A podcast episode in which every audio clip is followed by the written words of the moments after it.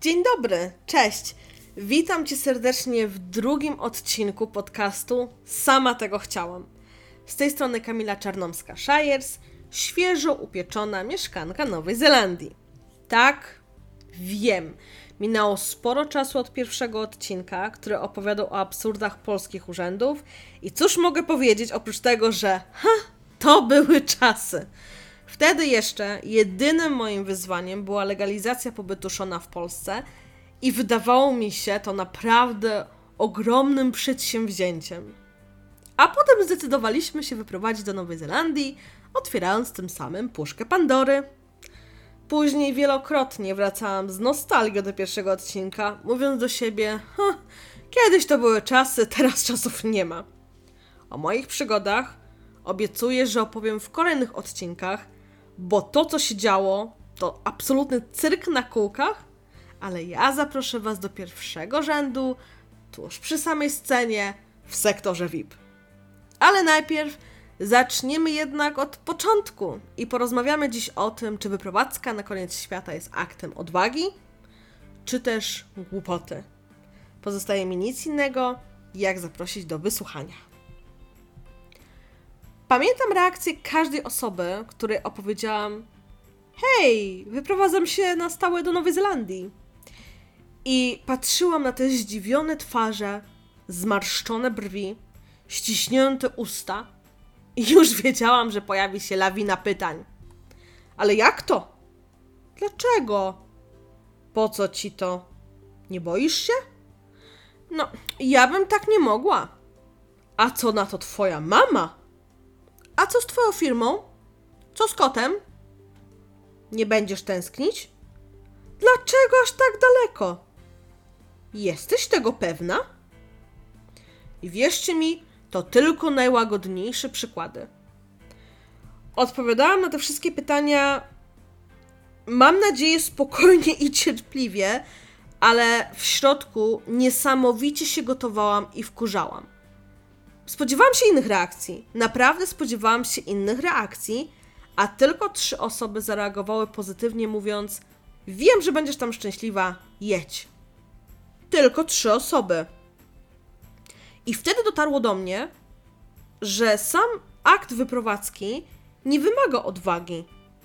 Odwagi będzie wymagać ode mnie zmierzenie się z brakiem akceptacji mojej decyzji i braku realnego wsparcia od bliskich, którzy próbują przerzucić swój lęk i strach na mnie. I to właśnie odrzucenie ich wątpliwości no będzie wymagało tej siły i odwagi, na którą nie byłam wtedy gotowa.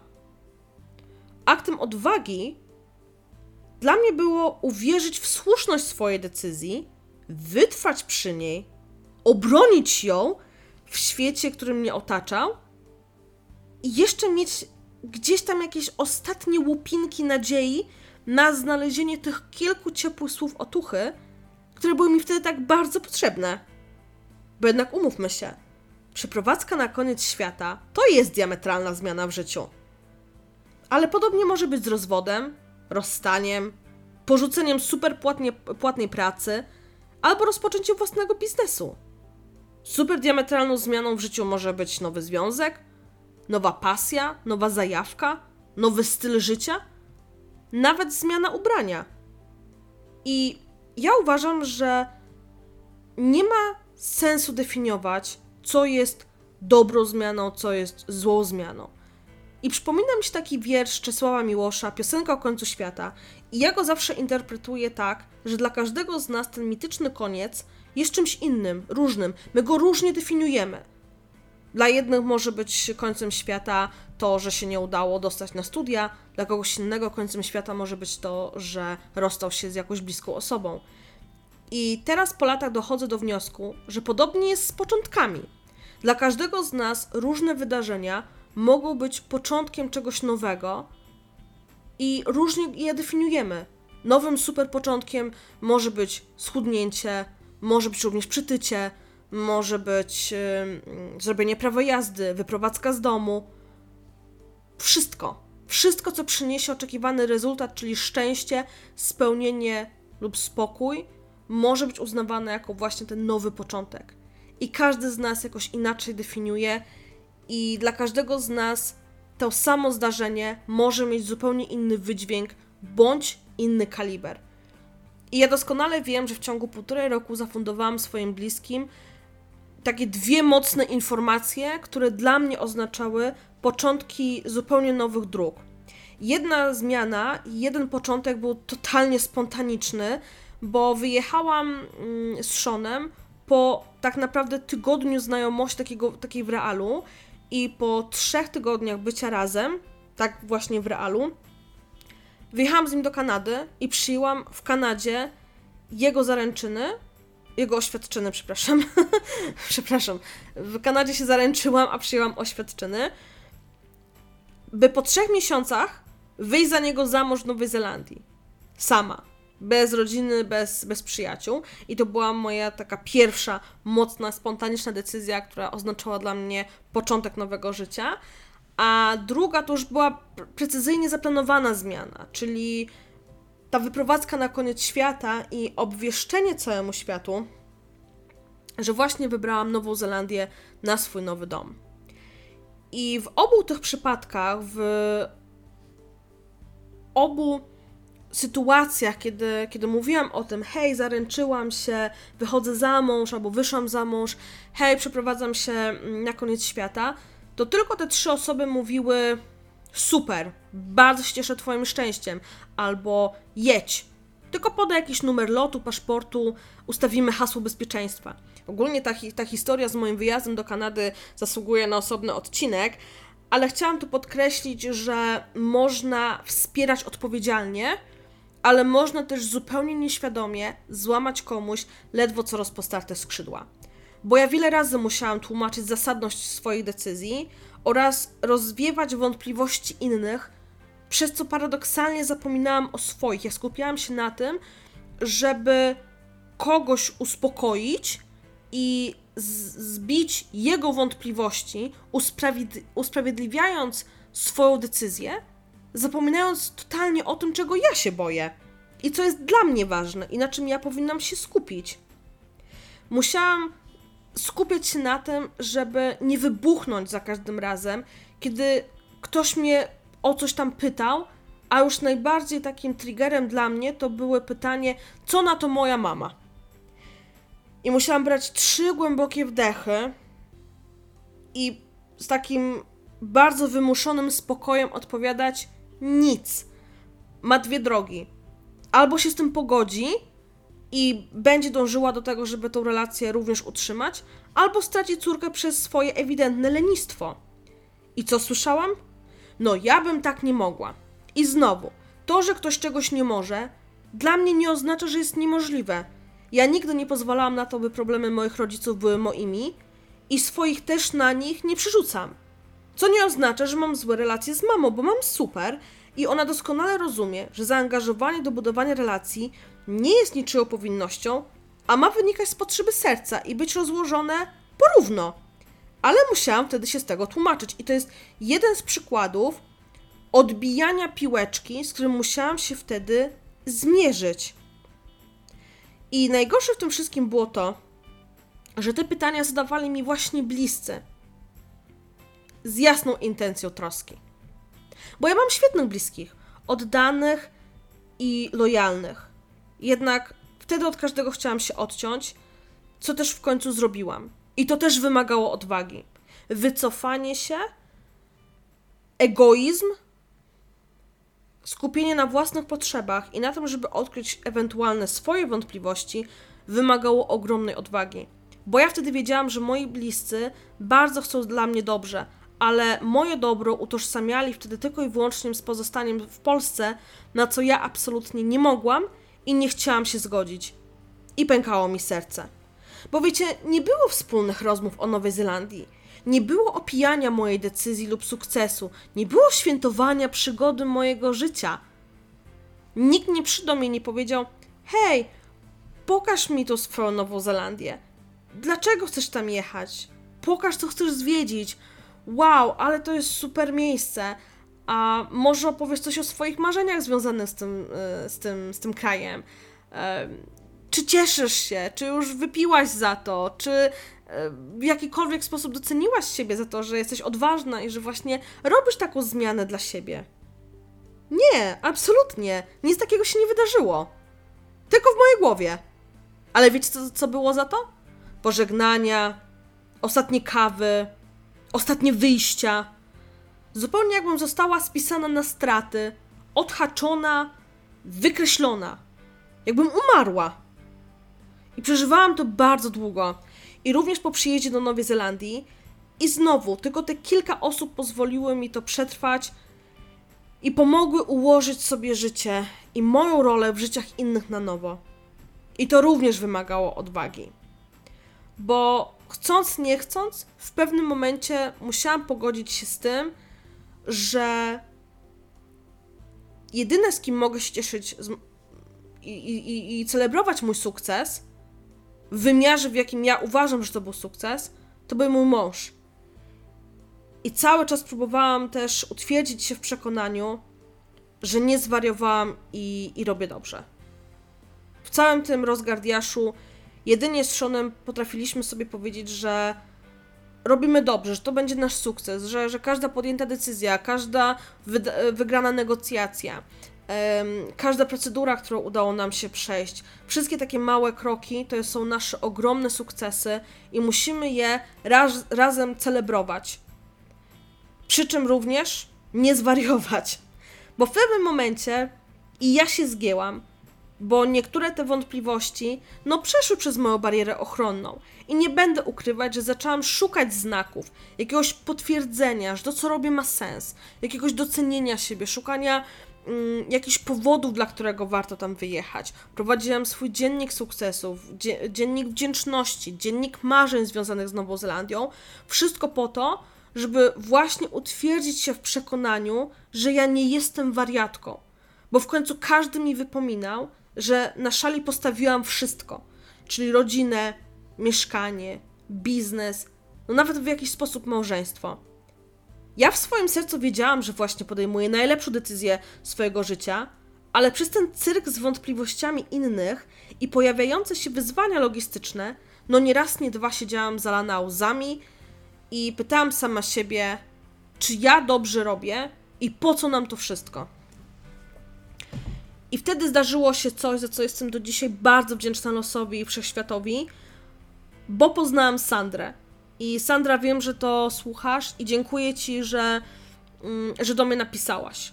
Bo ja się nie boję tego powiedzieć, chociaż nie znam Cię osobiście, nie widziałam Cię na oczy, to jesteś moim ratunkiem i jesteś moim cudem. I chcę, żebyś, żebyś to wiedziała, chcę, żebyś to usłyszała.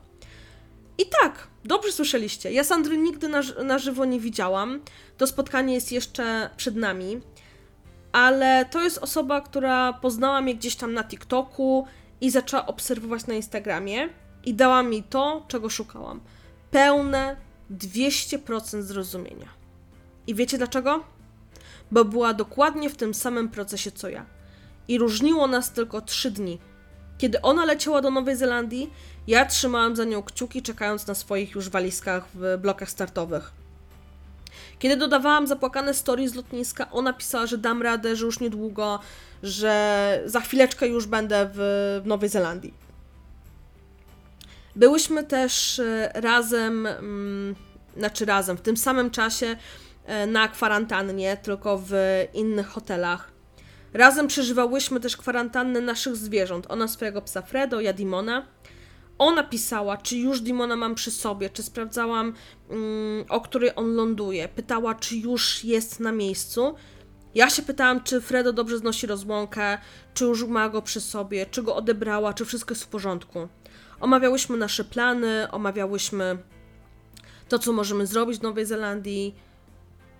Omawiałyśmy też to, w jaki sposób chcemy się tutaj osadzić, co chcemy zrobić, ale też y, o swoich wątpliwościach, o swoich lękach i o tym, że czułyśmy się tak bardzo właśnie niezrozumiane i że obie potrzebowałyśmy po prostu takiego wysłuchania, ale też cieszenia się z tego, że, że jesteśmy tu, gdzie jesteśmy.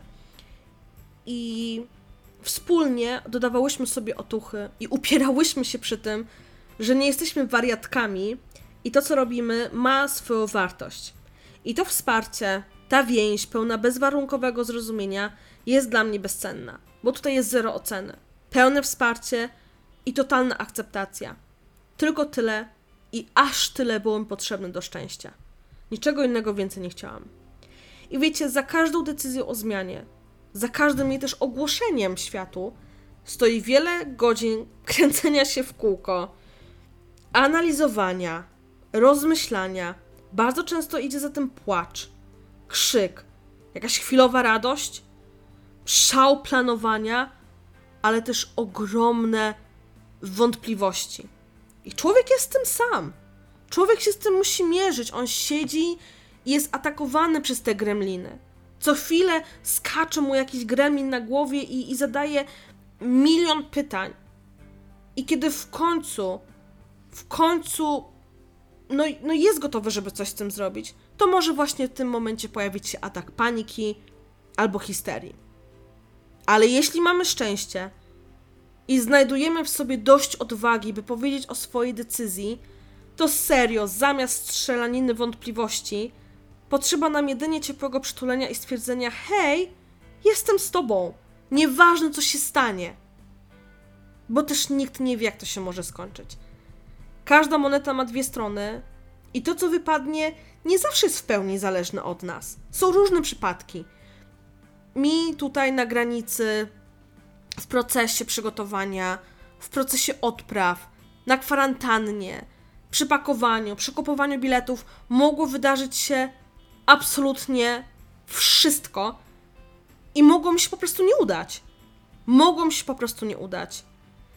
I ważna jest jednak świadomość, że nawet jeśli się właśnie nie uda, to nie spotka się to z ostracyzmem i przekornym o, nie mówiłam, wiedziałam, że tak to się skończy, albo moje ulubione.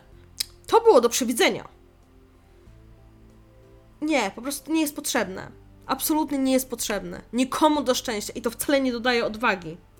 I oczywiście, ja wiem, że ta cała otoczka i, i te wątpliwości, i te pytania wynikają z dobrych chęci. Wiem, wiem, bo to czuję. Wiem, że to nie jest takie rzucenie tylko po to, żeby to była taką, taka kłoda pod nogi, która mnie zatrzyma, tylko jest to jakiegoś rodzaju troska Wiem, że za każdym nie jest to jakieś ale, bo, lub, ponieważ, że tam jest jakiś powód, jakaś, jakaś przyczyna takiego, takiego zachowania. Doskonale to rozumiem. Ale zwracam tylko uwagę na to, że jak wszędzie najważniejsza jest komunikacja. I może uda mi się zainspirować kogoś właśnie do innego wyrażania swojej troski. Bo może zamiast zareagować uniesieniem, uniesieniem brwi, ktoś jednak uśmiechnie się i powie: Hej, wiesz, że jestem dla ciebie. Jeśli uważasz, że to, co robisz, jest dobre, to walcz o to. Ja będę przy tobie zawsze. A jeśli czujesz gotowość, aby usłyszeć moją opinię lub radę, daj znać. Chętnie się nią podzielę. Bo wiecie, nigdy nie oczekiwałam głuchego poklasku. Moja przyjaciółka Anna Maria Wiśniewska, najbliższy przyjaciel Karol oraz siostra zawsze wiedzą, że można mnie spokojnie krytykować, ale tylko wtedy, kiedy o to proszę. Kiedy chcę poznać czyjąś opinię i kiedy jestem na nią gotowa, to słucham jak zaklęta, wsłuchuję się w każdy argument, spijam każde słowo i zgadzam się, biorę, przyjmuję i jestem za to wdzięczna. Ale jeśli nie jestem na to gotowa, albo nie chcę tego, bo jestem pewna swojej decyzji i nie potrzebuję niczyjej rady, to wtedy ja tego po prostu nie chcę. Nie chcę i to jest absolutnie bezwartościowe. Bo ja nawet, ja uważam, że nawet najlepsza rada, ale bez gotowości adresata, jest tyle samo warta, co zeszłoroczny śnieg. No po prostu. Change my mind. Ale ja tak uważam. I uważam, że wątpliwościami oddalamy od siebie bliskich, a wsparciem ich otwieramy. I wtedy dopiero nakłaniamy, czy przygotowujemy do dyskusji i pozwalamy na to, aby ta druga osoba czuła się bezpieczna i wtedy w tym bezpiecznym środowisku była gotowa ujawnić swoje lęki, swoje wątpliwości i swoje jakieś przekonania czy swoje demony. I wtedy rodzi się piękna rozmowa. Wtedy jest to faktycznie wartościowa rozmowa. Wtedy można z kimś porozmawiać powiedzieć o innych wątpliwościach, o innych rozwiązaniach. Można pewne rzeczy przedyskutować, można op opowiedzieć, skonfrontować jakieś fakty i wypracować rozwiązanie.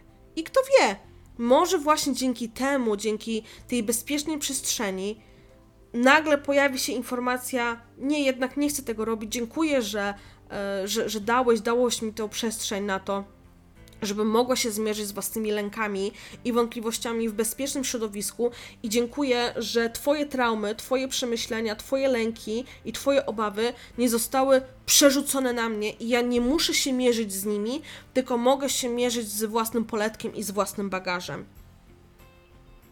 Uważam, że to jest bardzo wartościowe i to powinno być clue właśnie takiej zdrowej i fajnej rozmowy.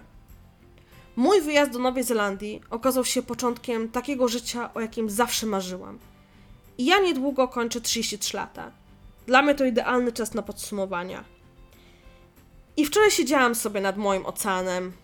No, wpatrywałam się w niego jak w obrazek. U, uwielbiam, uwielbiam ten moment, kiedy, kiedy sobie siedzę i, i patrzę się, mm, no właśnie, hen daleko i, i próbuję znaleźć y, linię horyzontu.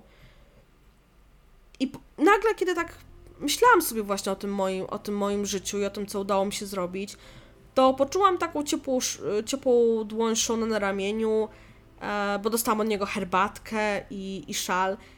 I dokładnie w tym momencie się poryczałam, co z pewnością zaburzyło ten filmowy kadr, ale po prostu tak, tak w pełni poczułam, że to jest moje miejsce, mój czas, a obok mnie stoi no, mój człowiek. I byłam sobie niesamowicie wdzięczna za to, że przetrwałam ten okres pożegnań i rozstań na rzecz cudownych powitań i początków. Wyjazd na koniec świata wymagał gruntownego planowania, inwestycji, negocjacji, wiary w siebie, siły, zawzięcia i niesłabnącego przekonania, że idę swoją drogą, którą wybrałam i przyjmuję z otwartością wszystkie możliwe konsekwencje. Więcej odwagi kosztował mnie podcast o moim pracoholizmie i powrocie do pozycji zawodowej, a także ten, który no właśnie słuchasz.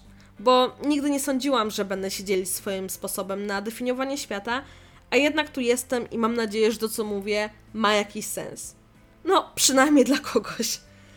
Dziś moich bliskich zapraszam do siebie, wysyłam im kwiaty lub prezenty, odbieram telefony w ciągu nocy, bo wiem, że nie ogarniają różnic czasowych, śmieję się z nimi serdecznie – i towarzyszy na odległość w ich życiu, starając się być blisko serca niegeograficznie. I jakoś to nam wychodzi. To też wymagało odwagi, tym razem nie mojej. Ale takie życie wybrałam, bo sama tego chciałam. Dziękuję Wam za wysłuchanie mojego podcastu i mam nadzieję do usłyszenia w kolejnym odcinku.